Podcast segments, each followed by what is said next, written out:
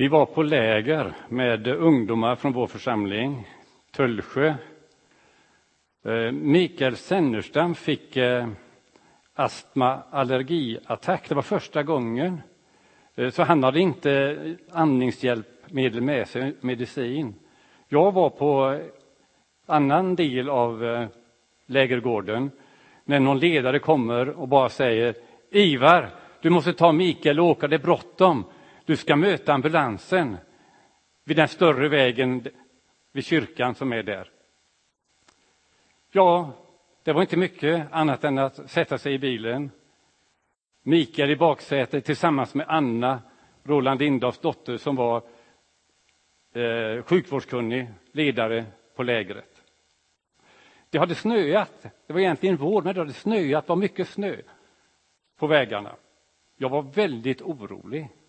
Och jag fick inte upp bilen eh, från lägergården upp på den lilla vägen, utan hela lägret fick vara med och skjuta på bilen. Och sen åkte vi. Och jag körde faktiskt så fort jag vågade i det dåliga väglaget. Och så säger Anna i bak, kan du köra lite fortare? Och jag förstod att då var det, då var det allvarligt med Mikael. Jag kunde höra hur svårt det var att andas. Nej, jag kanske inte kunde köra fortare. Det var faktiskt så att jag var tvungen att sakta in. Därför att det kom ett märkligt möte. Ett moln av snö var det och det var en bil med husvagn. Som verkade inte, kanske inte ens såg att han fick ett möte. Så jag var tvungen att köra av vägen ner vid dikesrenen. Och några sekunder ni vet hur det kan vara, tänker man, vad händer nu? Vi kommer inte upp på vägen. Och vad hände med Mikael? Då, som av en osynlig kraft, jag kan inte säga att det kunde varit något annat än änglar eller ett gäng änglar som lyfte bilen och vi kom upp på vägen och kunde fortsätta.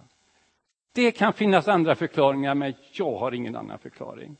Och för att avsluta berättelsen så gick det bra. Vi kan ju se Mikael här ibland och så vi vet ju att det gick bra. Eh, vi mötte ambulansen, vi var faktiskt lite tidigare än ambulansen till mötesplatsen och de minuterna, de var tunga. För jag hörde hur nära det var att han inte kunde andas mer. Men det gick som sagt bra. Jag körde efter ambulansen sen, så fort Mikael kom in i ambulansen så eh, fick han ju behandling och blev eh, återställd ganska snabbt. Så jag minns när jag körde efter ambulansen och så fick jag se Mikael vinka i bakrutan på ambulansen. Underbart. Ja, ni får, ja. Och då undrar ni förstås så här, detta är 20 år sedan, det har Ivar aldrig berättat. Jag tror att jag har berättat det i mindre sammanhang, men inte i en predikan. Varför gör vi inte det? Jag tror att ni alla har berättelser. Men det kan vara så att när man berättar någonting så kan man ibland mötas av en liten kritisk attityd att det säkert var något annat naturligt. Och då kanske man då kanske den här upplevelsen som man själv har, att det var Gud och änglar, det försvinner. Men vi ska inte vara försiktiga, vi ska vara frimodiga att berätta. Det kan ju också vara så att det här med änglar verkar lite flummigt. Man vill ju kanske inte vara irrationell, eh, lite new age-aktig. För änglarna idag har ju någon slags sagoprägel ofta. Vi kanske inte av den anledningen heller vill berätta. Jag vet inte, men vi måste vara tydliga och konkreta. Vad säger Bibeln om änglar? Det kommer vi att tala om idag.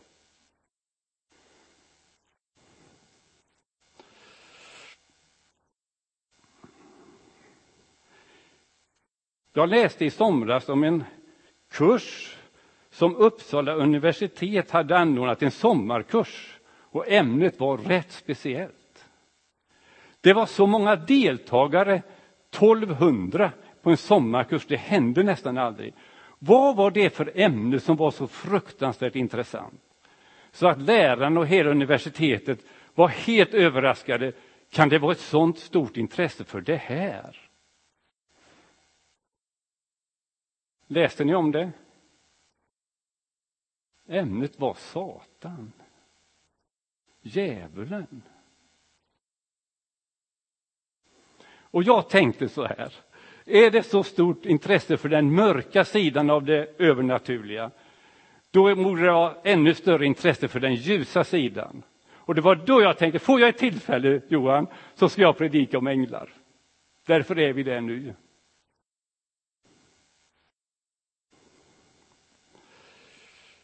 Det är väl så i det här så kallade postsekulära samhället att människor ändå undrar, finns det inte något utöver det alldeles vanliga naturliga? Jo, och då är man intresserad av de här frågorna. Så där har vi som kyrkor och församlingar en unik uppgift nu att möta de andliga behoven som finns i vårt samhälle. Människor frågar uppenbarligen efter detta. Man går och lyssnar på den mörka sidan. Nu ska vi tala om den ljusa sidan. Man talar till exempel om änglavakt och så, lite, ibland lite slarvigt, eh, när det är någonting som man inte kan förklara. Eh, en underbar räddning. Men det kan också vara naturligtvis en verklighet, som den här berättelsen som jag hade.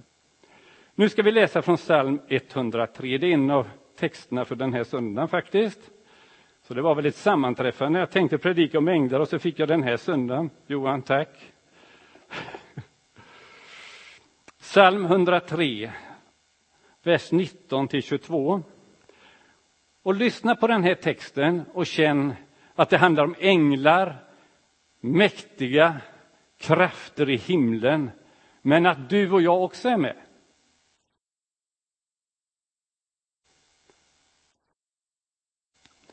Så här står det, Herren har rest sin tron i himlen, allt är underlagt hans välde.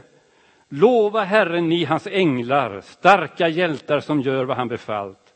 Lova Herren hela hans härskara, ni som tjänar honom och gör hans vilja. Lova Herren alla hans verk, överallt i hans välde. Lova Herren min själ.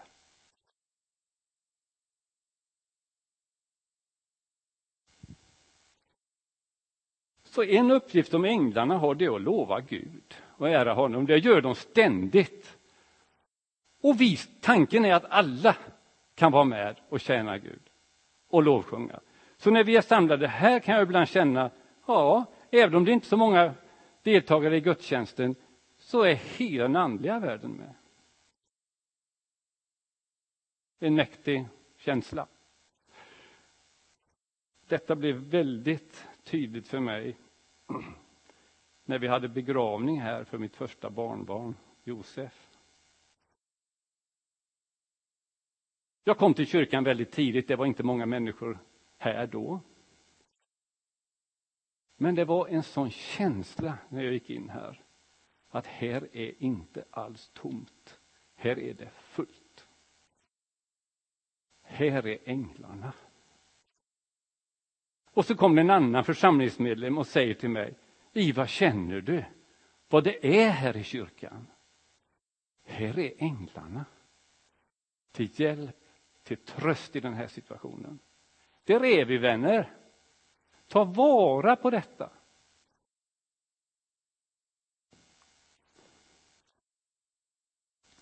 Nästan alla Bibelns böcker talar om änglar, utom Ester och Ruts bok i Gamla testamentet och några brev i Nya testamentet, Jakobs brev och Johannes tre brev. Så av Bibelns 66 böcker är det 60 som talar om änglar. Det säger oss att detta är en, en, en verklig realitet. Vad är då änglarna? Vad har de för uppgift? De beskrivs som budbärare, tjänare, ambassadörer och tillbedjare. Med tillbedjare har vi redan nämnt. Ordet ängel kommer från det grekiska angelos som betyder budbärare eller sändebud. Det är någonting som Gud kan skicka till vår hjälp, till församlingens hjälp, till enskilda människors hjälp och stöd och tröst i olika situationer. De har olika beteckningar i Bibeln. Man säger Guds änglar, Guds söner, de heliga, hjältar och tjänare. Antalet änglar är oräkneligt enligt Bibeln. Och de äger en övernaturlig kraft och kunskap och vishet. Men de är inte allvetande. Det är saker som Gud vet, men som han inte avslöjar för sina änglar. Men på något sätt intar de en mellanposition mellan Gud och människor som ska förmedla någonting från Gud till oss. Men det står att de, änglarna, ska vi inte tillbe eller dyrka, om jag förstår Bibeln rätt. De var med när jorden skapades och de visade Israels barn vägen ut ur Egypten. Det finns ju väldigt många berättelser genom hela Bibeln om hur änglars funktion har varit. Eh, det var änglarna som gav Mose budorden. Så de verkar med största intresse följa utvecklingen här på vår planet. Ni har säkert hört talas om olika slags änglar. Ärkeänglar kan man säga. De, de har namn, de har manliga namn. Om vi tar alla i Bibeln, om vi räknar med apokryfiska böckerna, så är det tre då. Mikael, Gabriel och Rafael. Speciellt mäktiga. Andra änglartyper är serafer, keruber, tronänglar och skyddsänglar. Jag kommer inte gå in på de här. Möjligen kommer jag säga något mer om skyddsänglar faktiskt. Vad är det? En speciell eh, ställning i Gamla testamentet har Herrens ängel. Det har ni säkert läst om. Herrens ängel besökte ju eh, både Abraham och Jakob och Hosea och andra. Herrens ängel talar om sig som om han vore Gud själv faktiskt. Eller en före, ett förebud på Jesus, Kristus, Messias, när han uppträdde, denne Herrens ängel.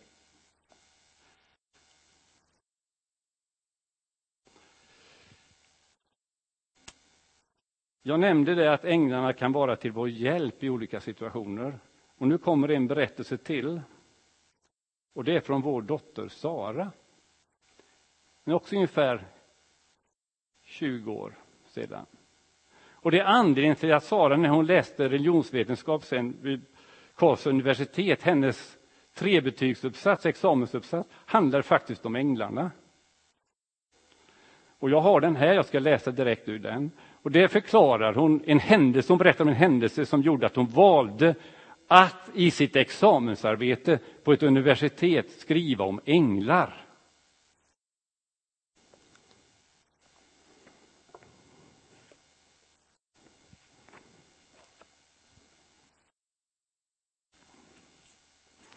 Och det är ytterligare en berättelse ur levande livet. Och så här börjar hon sin uppsats med ett bibelord från psalm 51. Ty han ska ge sina änglar befallning om dig, de ska bevara dig på alla dina vägar. Så kommer berättelsen. Med tårar i ögonen vinkade jag av familjen, tog mitt handbagage och började gå mot gaten. Jag var på väg till planet som skulle ta mig över Atlanten till Miami för att där ta ett plan vidare till målet för min resa Cochabamba i Bolivia. Det var mitt livs första flygresa. Och jag var mer eller mindre skräckslagen. Skulle jag drabbas av panik på planet? Skulle jag lyckas byta plan i Miami? Bredvid mig på planet satt en man i 50-årsåldern som såg trevlig ut. Jag bjöd honom på en Läkerol och sen var samtalet igång. När jag tänker tillbaka på händelsen i efterhand kan jag inte minnas att vi presenterade oss för varandra egentligen. Han sa bara att han var från Venezuela och han var på väg till Miami på uppdrag, som han uttryckte det. Vad det var för uppdrag verkar han inte vilja avslöja. När vi efter nära tio timmars flygresa och många trevliga samtalsämnen närmade oss USA var alla passagerare tvungna att fylla i ett slags blankett för att få inträde i landet. Blanketten saknar enligt min mening all logik och utan min grannes hjälp hade jag nog endast med stor möda lyckats fylla i den.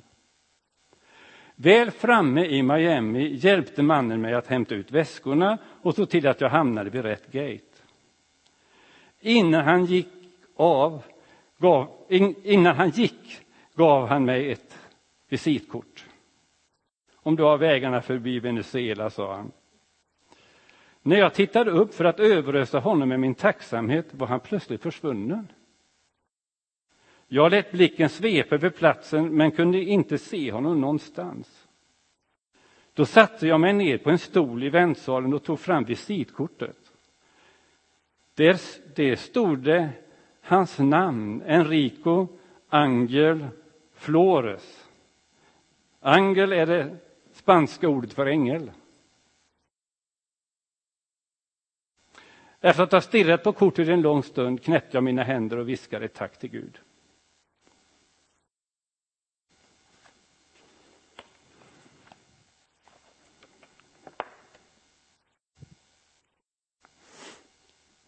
Men nu blir jag tagen av det här igen. Det var så länge sedan jag läste det.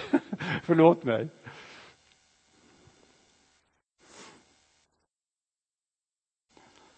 Hur är det nu med skyddsänglarna? Ja, det har ju en liten annorlunda berättelse. Man reflekterar ju som barn, jag tänker det kanske är några barn som lyssnar, man reflekterar ju som barn när man hör predikan.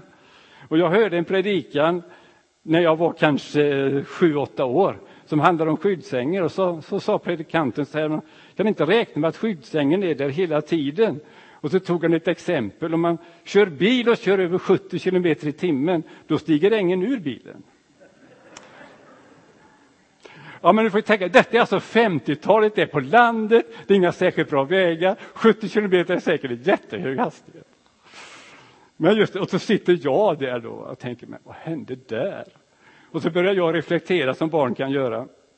Är det, är, det så att när vi mest behöver skyddsängeln, då är han inte där? Och så visste jag ju hur det var. Så jag, jag älskade att åka, åka med bil. Och det skulle gå fort. Jag hade en, en, en storasyster, tio år äldre än jag, som hade en, en pojkvän som hade en Opel Kapitän, en rätt häftig bil på den tiden. Och han körde friskt kan man säga på de små vägarna. Och var det riktigt bra så fick jag åka med och sitta i baksätet. Och efter den här predikan så var jag så noga att titta på hastighetsmätaren hela tiden. Okej, okay, nu kör han faktiskt över 70 och så tänkte jag, var sitter skyddsängeln? Jag minns skyddsängeln sitter i baksätet bredvid mig. Så tänkte jag, nej, nu är han inte där, för nu går det över 70.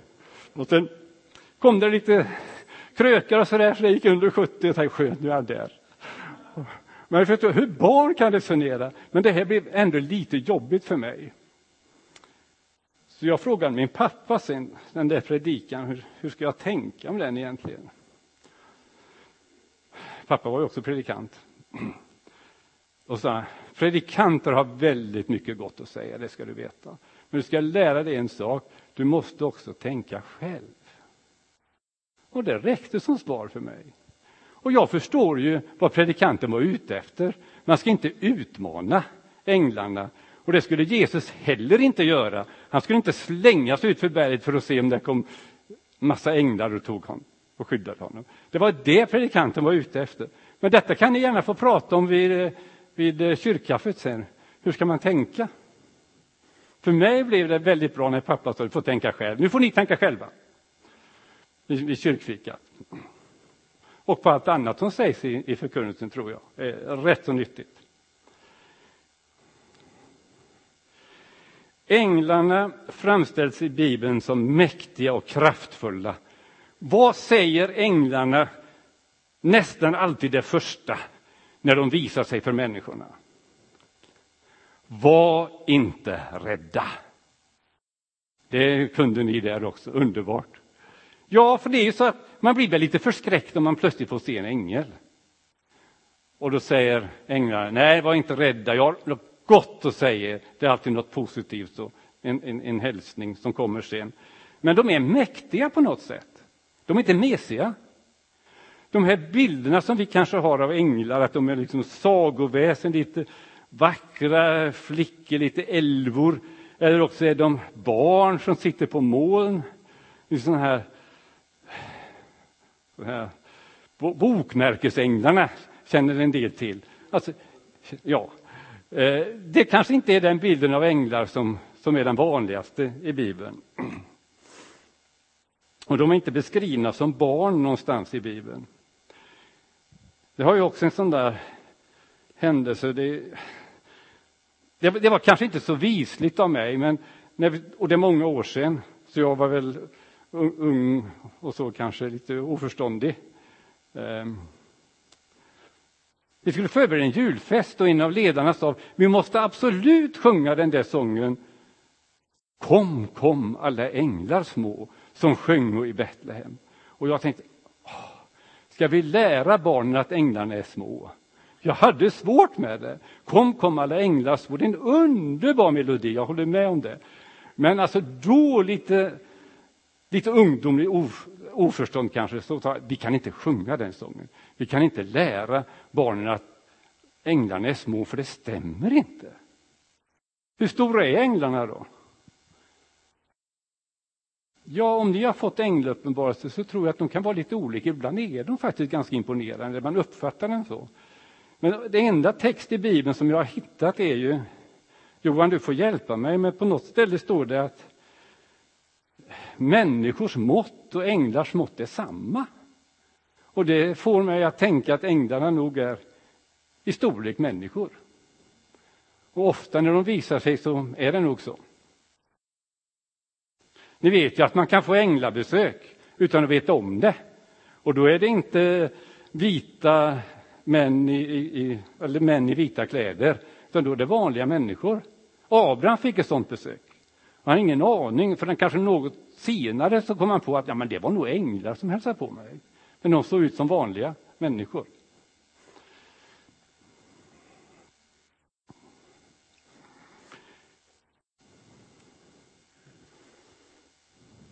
Det finns en sällsam berättelse i Bibeln, Gamla testamentet, Andra Kungaboken kapitel 6, som jag tror att vi kan ta till oss.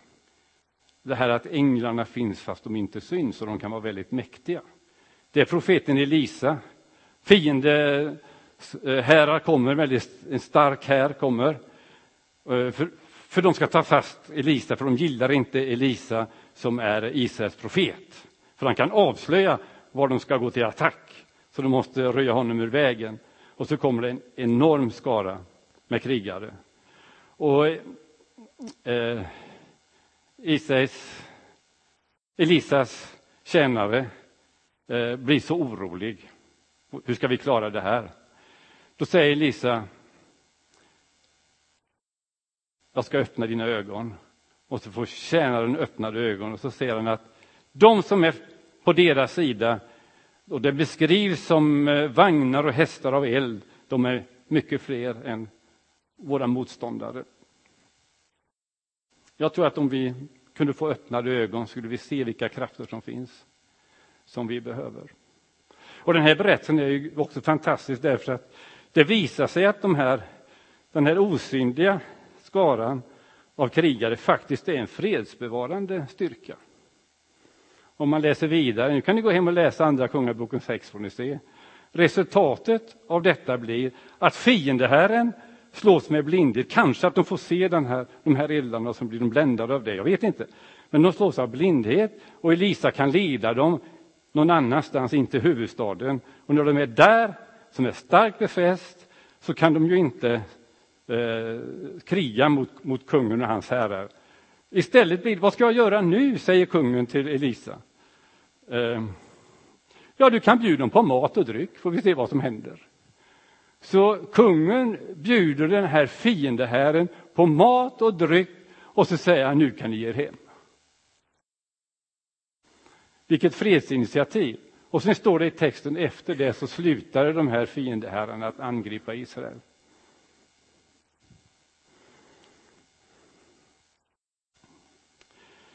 I Jesu liv så spelar änglarna en framträdande roll, det vet vi, vi som har läst evangelierna. Eh, Ängeln Gabriel kommer till Maria och talar om att hon ska få ett barn. Och även Josef får änglabesök i det sammanhanget. Och änglarna berättar för herdarna att Jesus är född. Hela himmelska härskalan hyllar Gud den natten. Detta vet vi. Och en ängel vägledde Josef när han behövde fly till Egypten och när de kunde återvända. Vid Jesu dop så tjänstgjorde en ängel som Guds språkrör och änglarna uttryckte Guds röst när Jesus fastade i öknen innan han började sin verksamhet. Så änglarna finns med hela tiden. De var med när han bad i ett seman innan han skulle korsfästas. De var med vid uppståndelsen och vid himmelsfärden. Hela tiden finns änglarna där. I Jesu undervisning så talar han om att äng, barnens änglar alltid ser sin himmelske faders ansikte. Så vi ska behandla barnen väl. Och jag tror att den texten också eh, är bakgrunden till att vi talar om skyddsänglar. Barnen har sin egen ängel.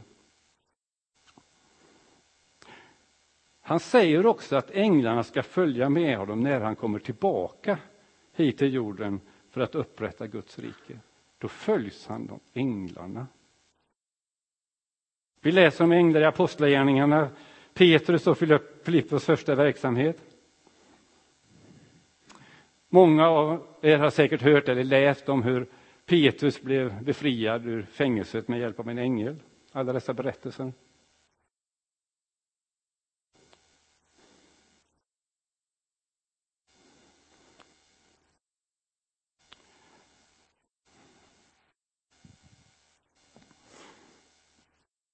En sista berättelse ur mitt liv, eller ur min mammas liv.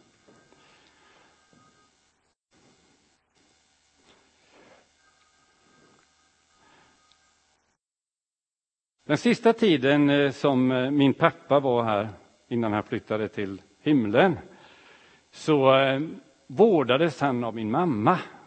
Och det var länge, det var faktiskt flera år, i hemmet. Och ibland så blev det ju så att han han fick kärlkrampsattacker och så. så. Mamma var nästan vid hans sida hela tiden, men var naturligtvis tvungen att göra vissa ärenden, gå och handla och sådär. Men det var korta stunder som hon lämnade honom, annars var hon där dag och natt faktiskt. Men vid ett tillfälle så var pappa lite orolig, som kände att han kanske kommer att få någon sån här kärlkramp nu.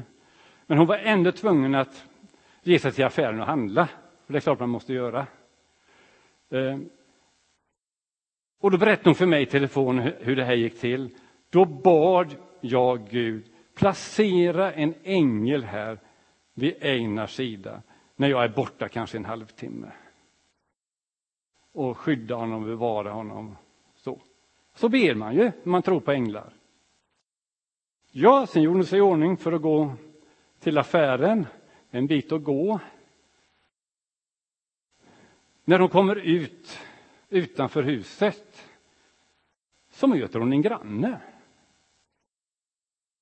som säger jag fick en tanke att jag skulle hälsa på Einar nu.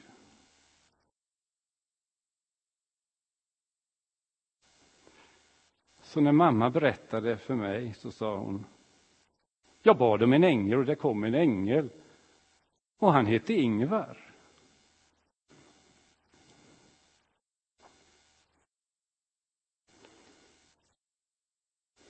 Ibland när människor är villiga budbärare så behöver inte Gud engagera sina änglar. Och då får det ju denna fantastiska konsekvens att du och jag kan få vara en annan människas bönesvar. Och det är något av det mest underbara i livet. Då kan vi vara som änglar.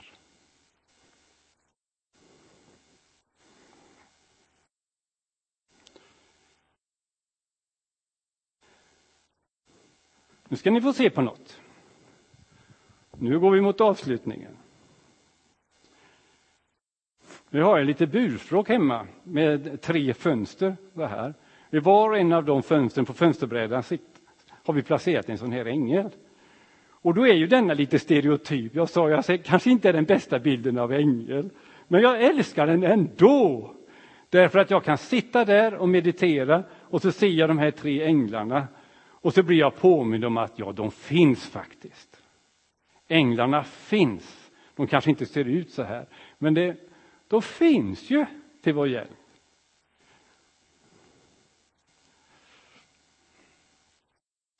Billy Graham skriver så här. Om du är kristen bör du räkna med att mäktiga änglar ska följa dig genom livets olika erfarenheter. Och änglarna kan skydda och bevara dig men även befria dig från rädsla och få dig att hoppas på Gud och vila i nåden. Var inte rädda. Glöm inte bort att änglarna finns. Att de är här för att se hur du har det. Och de kan hjälpa dig, fast de inte syns. Glöm inte bort att änglarna finns. Ska vi sjunga den här tillsammans, men vi stillar oss lite. Och ni kan komma fram, ska vi, eller Anders är det som leder det. Jag tänkte vi ska sjunga den här kören, glöm inte bort att änglarna finns några gånger. Men innan dess så vill jag, vill jag be bara, så tar vi den sen. Herre, tack för att du vill påminna oss om dessa tillgångar som vi har, som vi inte ser och som vi ibland glömmer bort att vi har.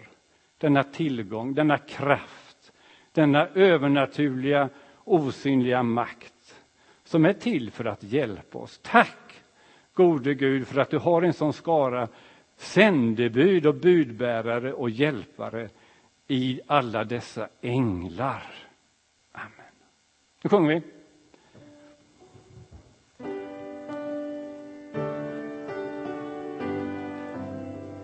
Glöm inte bort att änglarna finns, att de är här för att se hur du har det och det kan hjälpa dig fast det inte syns. Glöm inte bort att änglarna finns